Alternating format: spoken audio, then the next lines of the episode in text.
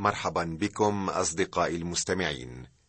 ها أنا أدعو نفسي مرة أخرى لزيارتكم عبر المذياع فأرجو أن أجد لديكم المتسع من الوقت لكي نتحدث معا نتشارك الأفكار.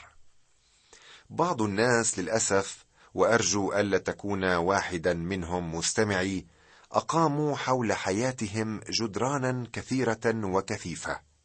وهم لا يريدون أن يتدخل أحد في شؤونهم ولا هم في شؤون أحد. حتى كادوا يصدون آذانهم عن سماع أي شيء. عدم التطفل أو الفضول فضيلة نحمد عليها. أما الانفصال والانعزالية فليس كذلك. كلنا نحتاج بعضنا بعضا. فلا تقم من حولك جدارا في هذا اليوم ولا من حول أذنيك. ترى مستمعي هل أبدو أنا كل يوم كمن يعطي النصائح للمستمعين؟ أنا لا أحب أن أصبغ بهذه الصبغة وأؤكد هذا الآن ثانية أنا لست موجودا لكي أقدم لك النصح بل أجتمع بك لكي ندرس معا كلمة الله المقدسة كلمة الحق وإذا ارتأى هو تعالى.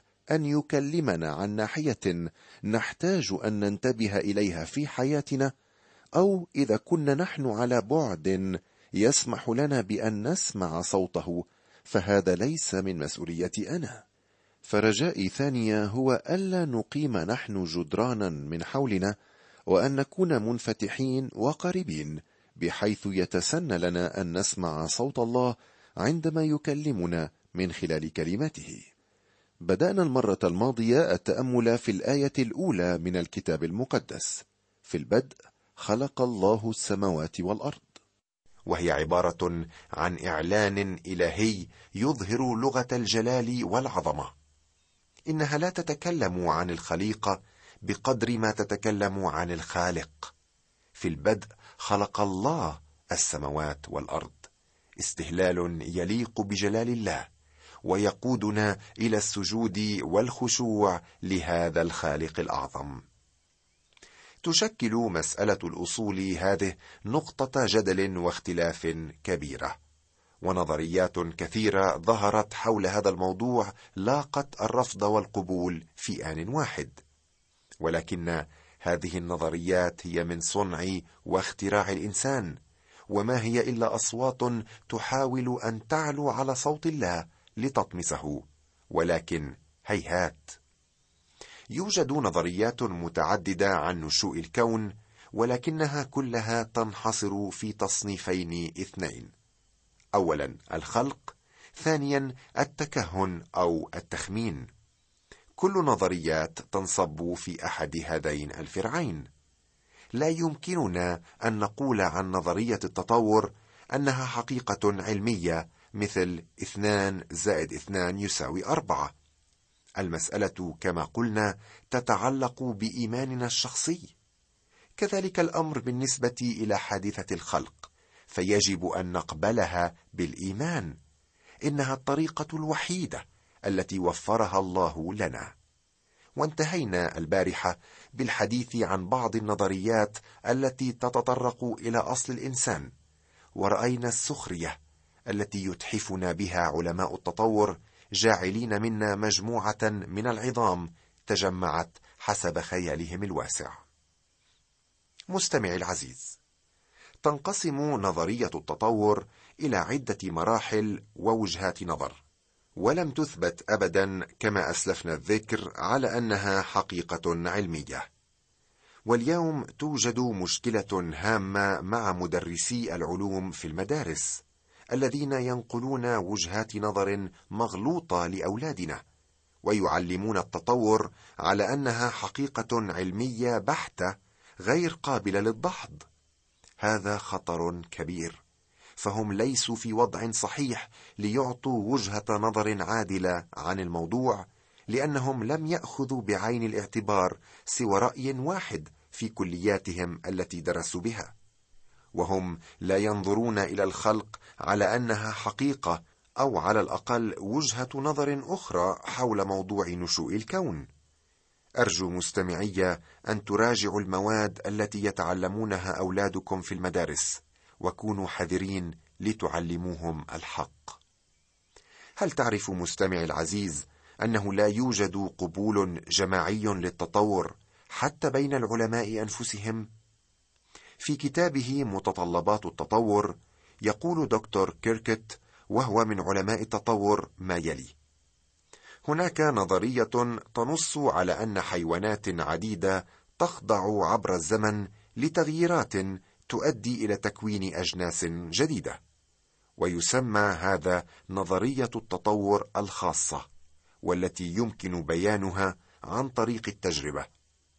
على صعيد آخر يوجد رأي آخر أو رأي ثان ينص على أن جميع الكائنات الحية أتت من مصدر واحد هو نفسه قد انحدر من شكل غير عضوي وهذا يسمى نظرية التطور العامة.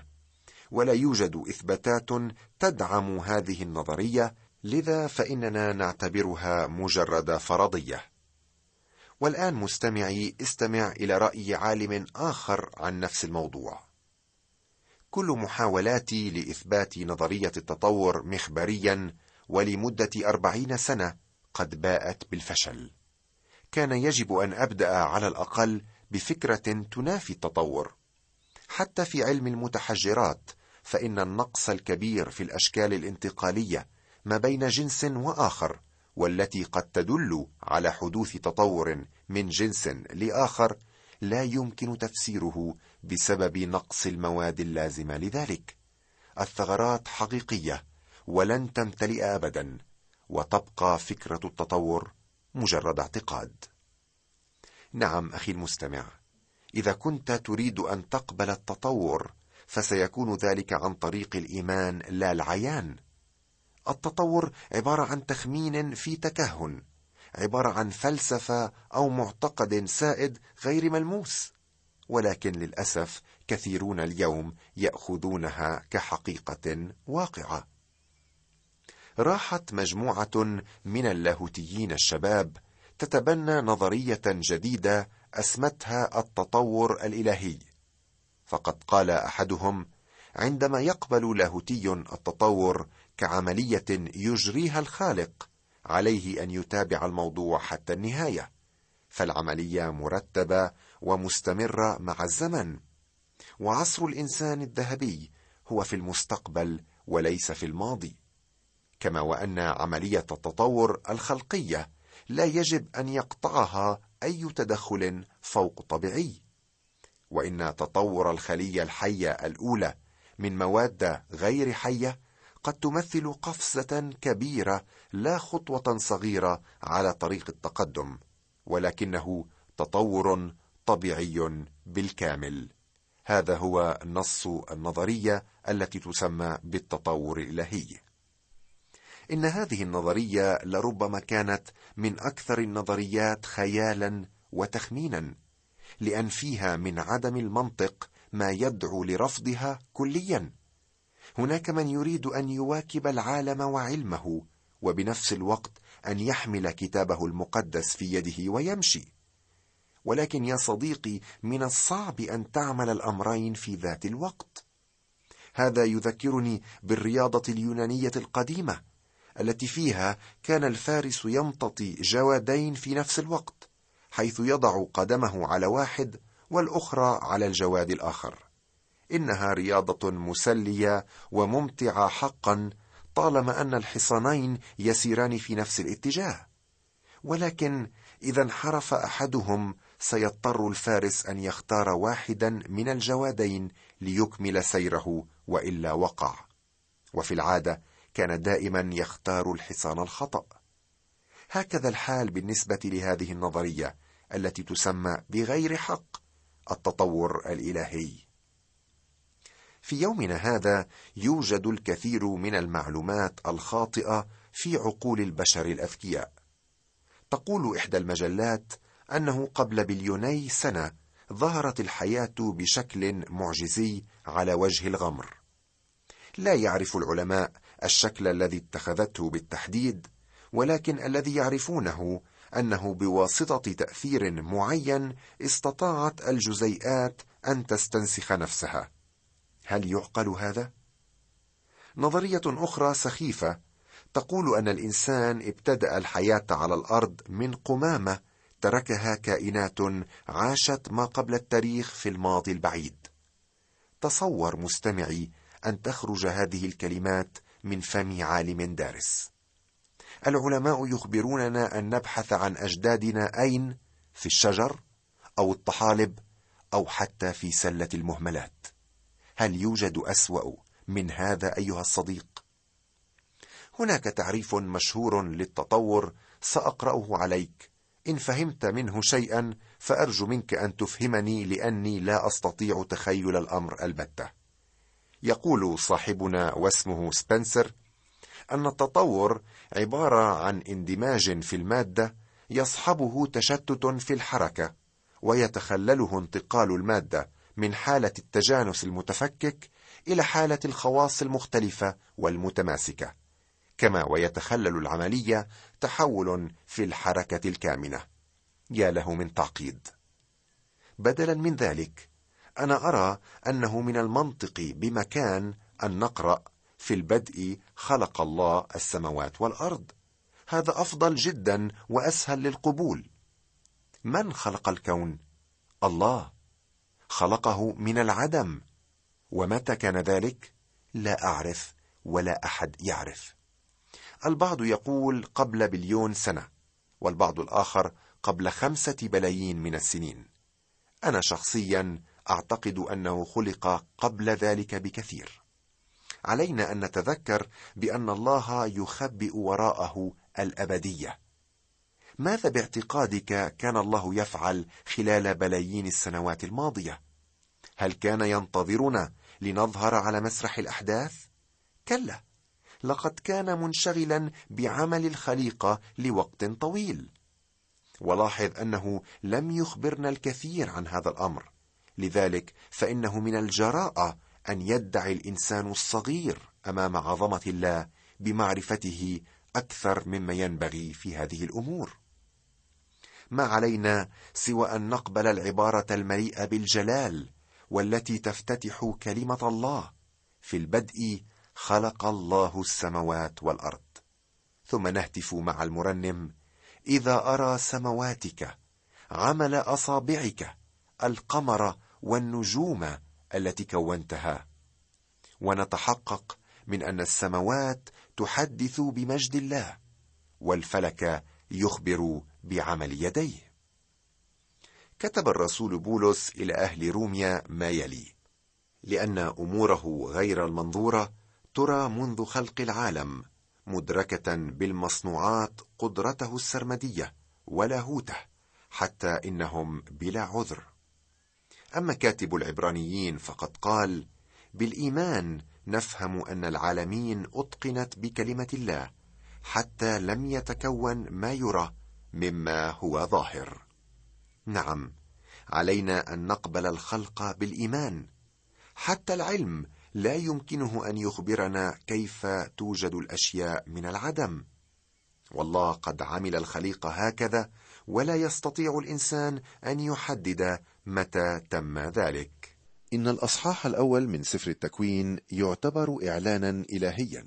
وقد أعطي هذا الإعلان قبل أيام موسى. كاتب السفر بوقت طويل. وهذا واضح من الروايات العديدة التي كانت شائعة بين الأوثان في القديم. فما كتبه موسى ليس صحيحا لمعتقدات الفينيقيين أو البابليين أو غيرهم من عبده الأوثان. فلا بد أن الله في وقت ما قد ذكر بنفسه قصة خلق العالم. وقد حفظ هذا الإعلان بكيفية إلهية حتى لا تنجسه معتقدات أولئك الذين يؤمنون بتعدد الآلهة وغيرهم من أصحاب الأوهام والخرافات. وقد قصد الله بوحي منه أن تسجل هذه القصة في سفر التكوين. وبالمناسبة عندما نقارن سجل التكوين عن الخلق مع الكتابات الأخرى فإننا نجد مفارقة عظيمة. نجدها عبارة عن تشويه لما ورد في سفر التكوين. على سبيل المثال يمكننا أن نجد سردا لخلق العالم في الكتابات البابلية. تبدأ الخليقة بالنسبة لهم بالتشويش والفوضى بينما يخبرنا الكتاب أن كل شيء ابتدأ بنظام وترتيب. في البدء خلق الله السماوات والأرض.